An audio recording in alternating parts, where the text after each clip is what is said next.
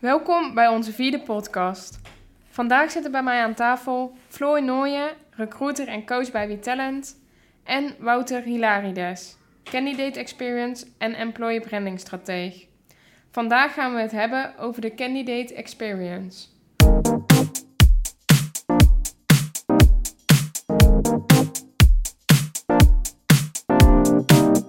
Wouter, allereerst hartelijk bedankt dat je hier vandaag bent. Leuk dat we vandaag verder in kunnen gaan op de candidate experience. Zou je misschien kunnen toelichten, voor de mensen die het nog niet kennen, wat de candidate experience inhoudt? Candidate experience is vrij vertaald natuurlijk gewoon de kandidaatervaring. En het is, uh, de, ja, de candidate experience is eigenlijk de totale optelsom van alle contactmomenten die de kandidaat met een potentiële werkgever heeft. Dus, uh, op alle, sinds Engels zeg je de touchpoints die een kandidaat met een bedrijf heeft. En dat kan zijn van het moment dat hij jou nog niet kent. De eerste aanraking kan zijn, ik zie een, eh, een bedrijf die mensen zoekt op een billboard tot aan de werken bij site, tot aan het, de e-mail die je stuurt, of de recruiter die, die de kandidaat belt, of, uh, of een werkgever uh, die, die dat doet. Dat zijn alle potentiële contactmomenten die je als bedrijf, als werkgever hebt met een potentiële kandidaat. Ja. En dat zijn dat, de optelsom daarvan en de totale ervaring die iemand heeft, is de candidate experience. Ja, helder.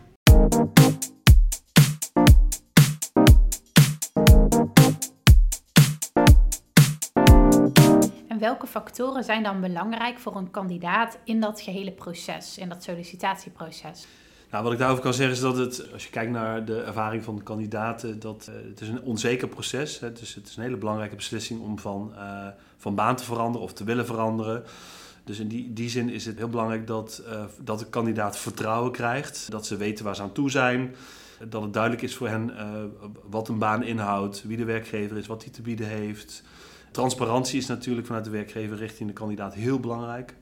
Het managen van verwachtingen ook. Hè. Dus waar sta ik in het proces? Ik heb gesolliciteerd. Wanneer hoor ik iets terug? Een kandidaat is eigenlijk altijd aan het wachten in, in, in, in sollicitatieprocedures.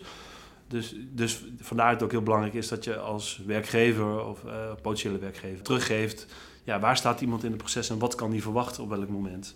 Dus dat is super belangrijk. Um, ik denk dat het ook belangrijk is voor een kandidaat dat het beeld wat naar buiten toe geschetst wordt door een werkgever ook gewoon klopt met de, de werkelijkheid. Dus daarin heb je als werkgever ook een taak. En ik denk een positief gevoel overhouden aan het hele, hele sollicitatieproces ja, is denk ik voor, voor een kandidaat heel belangrijk. Ja, nee, ik denk dat dat als wij dan heel even kijken naar onze rol als recruiter, wij merken ook hoe belangrijk het voor een kandidaat is dat die echt wordt meegenomen in het proces. En soms is dat voor ons misschien vanzelfsprekend dat we toch wel iets laten weten. Maar juist voor een kandidaat is het zo belangrijk om aan te geven: binnen twee of drie dagen hoor je iets, of binnen een week of wat dan ook. Dus als ik ook even jouw stuk samenvat, denk ik: stukje verwachtingen managen is heel belangrijk. Stukje transparantie natuurlijk. Ja. ja, dat kan ik me voorstellen. Weten waar iemand aan toe is. En ja, ook dat het beeld natuurlijk klopt van wat er wordt geschetst. Ja. Als ik die even samenpak en dat, al, dat samengenomen kan ervoor zorgen dat er een positief gevoel aan over wordt gehouden. Ja, nou, ik denk dat je, dat je goed moet kijken naar dat, dat je als bedrijf gewoon consistent bent. dus ook in je, je employer branding, van, als je zegt van ik ben een persoonlijk bedrijf en je belt vervolgens niet terug of je laat nooit iets horen, dan strookt dat ook niet met het beeld wat je had van een bedrijf. En dan ga je als kandidaat natuurlijk ook niet een bedrijf aanbevelen aan andere mogelijke mensen. Dus dat, uh, het negatieve effect van een uh, negatieve candidate experience is, is, ook, ja, is, ook, is ook daar. Ja, zeker.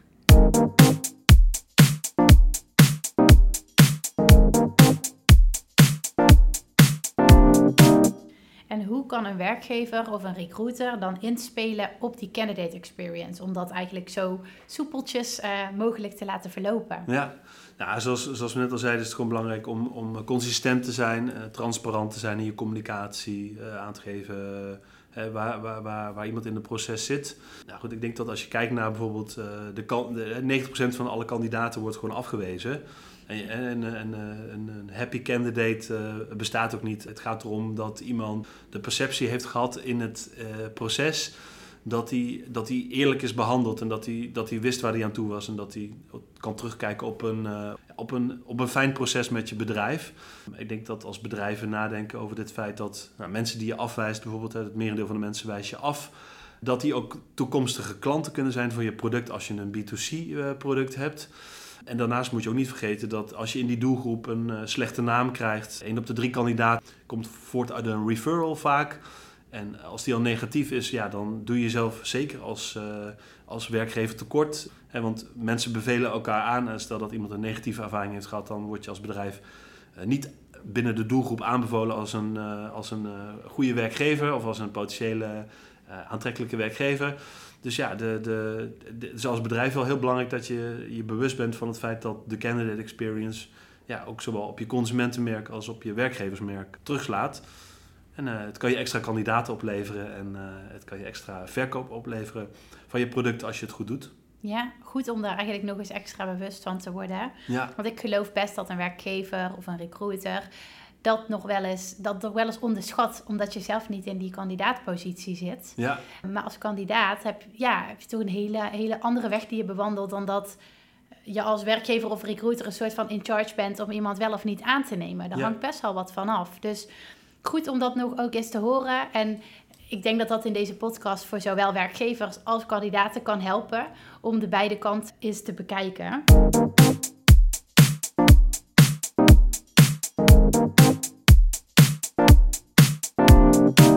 We hebben het net natuurlijk al gehad over hoe je kunt inspelen op die uh, candidate experience.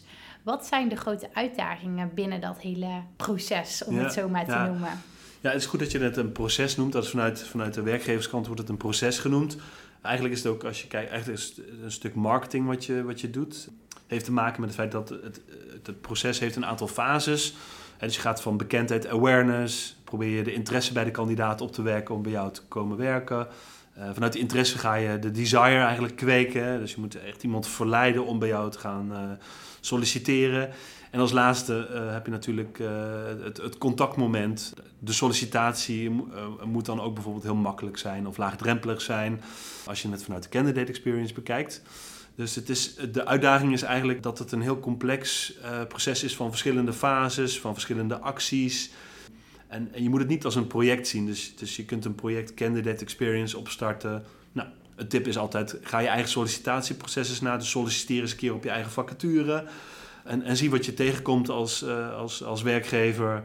En dan zie je ook wat de kandidaat ervaart. Dus als weet ik veel, kan een document niet uploaden of nou, de website is langzaam of het is onduidelijk.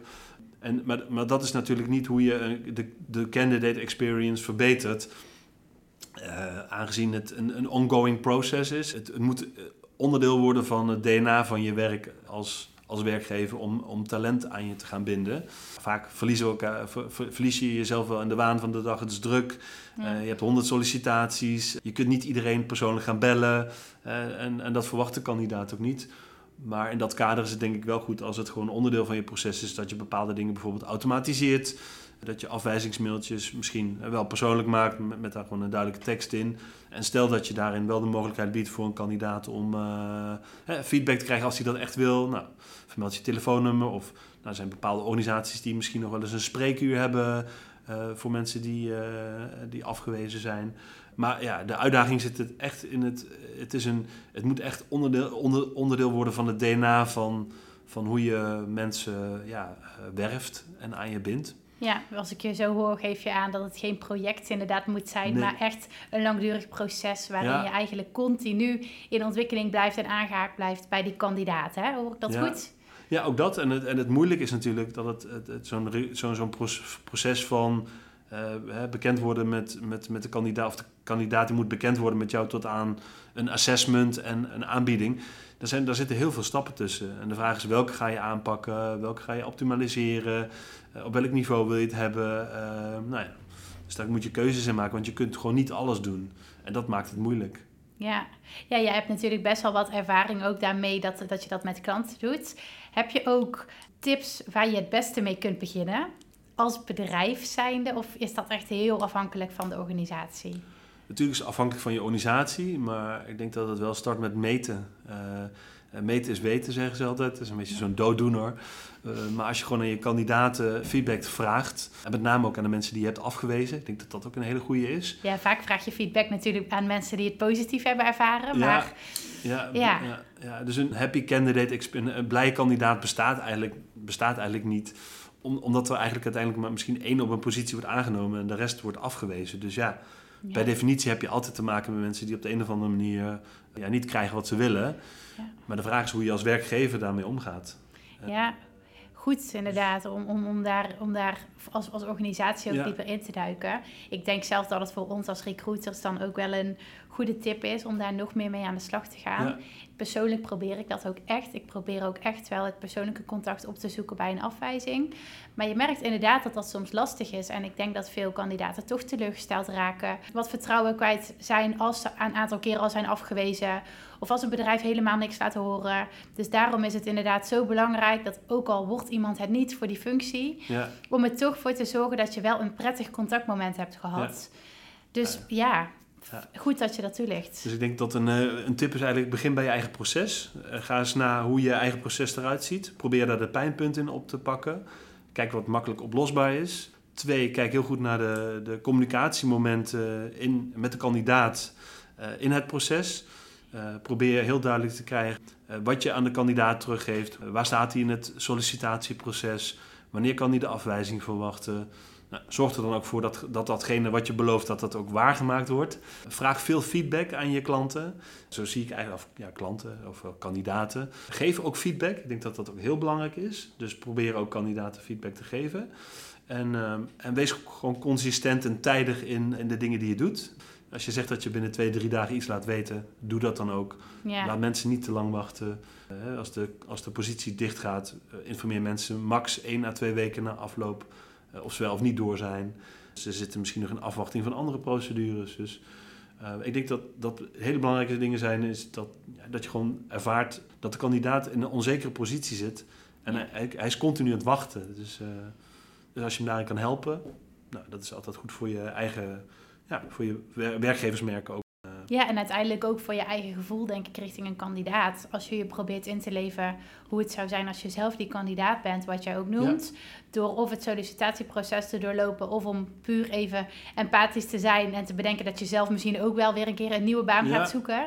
ja, Dan, ja, dan, dan is dat wel heel goed om eens in die eh, huid van de ander te kruipen. Ja, ja en het, kijk, en, het, en dan, als je dan een stapje hoger gaat in Candidate Experience Management, eigenlijk waar je het over hebt, dan wil je de binding met je doelgroep aangaan. En eh, dan wil je eigenlijk een soort van commu- community creëren. Hè? Dat, is, dat klinkt al heel mooi, maar Mhm. eh, als je gewoon die mensen in je eigen database hebt staan en ze om de zoveel tijd informeert met interessante vacatures of interessante eh, informatie over het vakgebied waar zij zich in begeven, dan kun je als werkgever of als recruitmentpartij wel het onderscheid maken.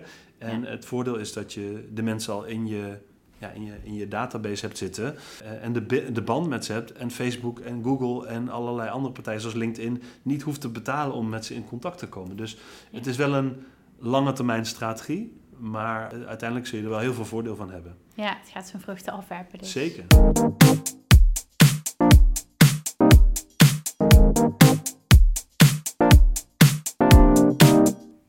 Wat zie jij als belangrijkste aspecten voor de toekomst van de candidate experience?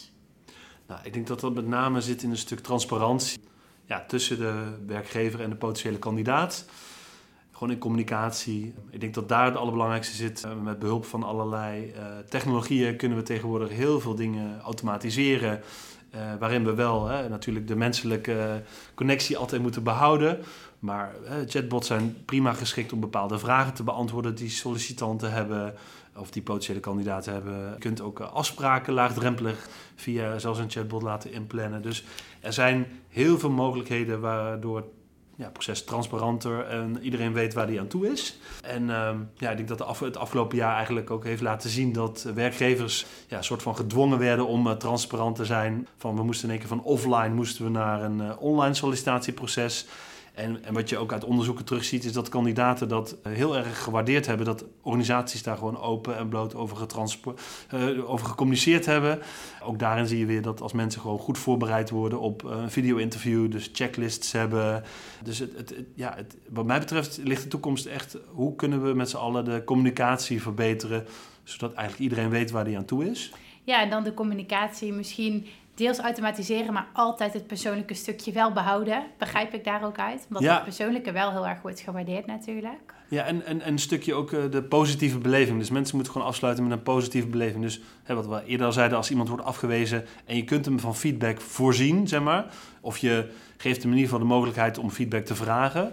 Eh, dat, ik denk dat, dat je daarmee al mensen... Ja, je kunt niet iedereen aannemen, dus je kunt niet iedereen blij maken. Nee. Uh, maar uiteindelijk is dat wel een, uh, ja, een positieve beleving. Uh, de IKEA doet dat ook met het ijsje aan het einde van de, van de, ja. de lange rit door de IKEA. Nou, als je iemand een positieve beleving kan meegeven door af te sluiten met nou ja, iets positiefs, dat, dat helpt denk ik ook voor je candidate experience en je employer brand. Ja, mooie vergelijking. En dat inderdaad ook tijdens het sollicitatieproces. Mocht er iets niet helemaal goed lopen, al is het alleen al op de website, dat je ze ook even bedankt voor de feedback of, of wat dan ook. Ik denk wel dat dat hele, hele goede dingen zijn. Omdat wij als WeTalent natuurlijk echt staan voor de kandidaat, zou ik ook graag de kandidaat nog wel een tip mee willen geven. Natuurlijk is het zo dat als je een aantal afwijzingen bijvoorbeeld al hebt gehad, dat het kan dat de moedje soms in de schoenen zakt dat je teleurgesteld bent en dat je wellicht daar een, een afwijsmailtje denkt. Of ik ga er niet op in, of ik reageer wat botter, want ik ben er wel een beetje klaar mee. Dat kan allemaal, dat kan ik me heel goed voorstellen. Maar ik zou toch de tip geven: probeer te kijken naar de opening of vraag om feedback, zodat je ook voor jezelf het proces positief kan afsluiten. Daartegenover hoort dan een bedrijf of recruitmentpartij ook die opening wel te bieden. Dus het zou heel fijn zijn als iemand wel open staat voor je vragen. Iemand jou ook nog wat feedback kan meegeven. Dus het komt van twee kanten. De candidate experience ligt voor een heel groot deel bij de werkgever. Maar ook als kandidaat heb je daar invloed op. En ik wil je ook uitdagen om dat niet te vergeten.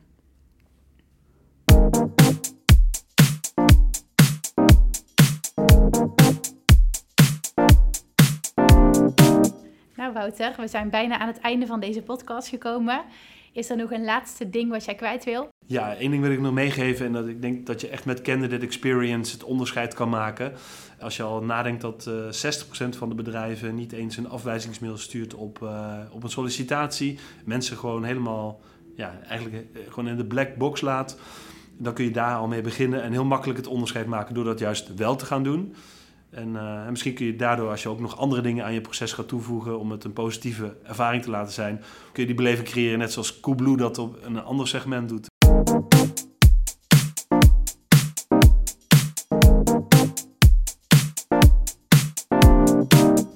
Nou, Wouter en Floor, super bedankt voor deze tips over de candidate experience voor zowel de werkgever als de kandidaat. Ik hoop dat de luisteraars uh, veel aan jullie tips hebben gehad. En de volgende keer gaan we het hebben over de employer branding.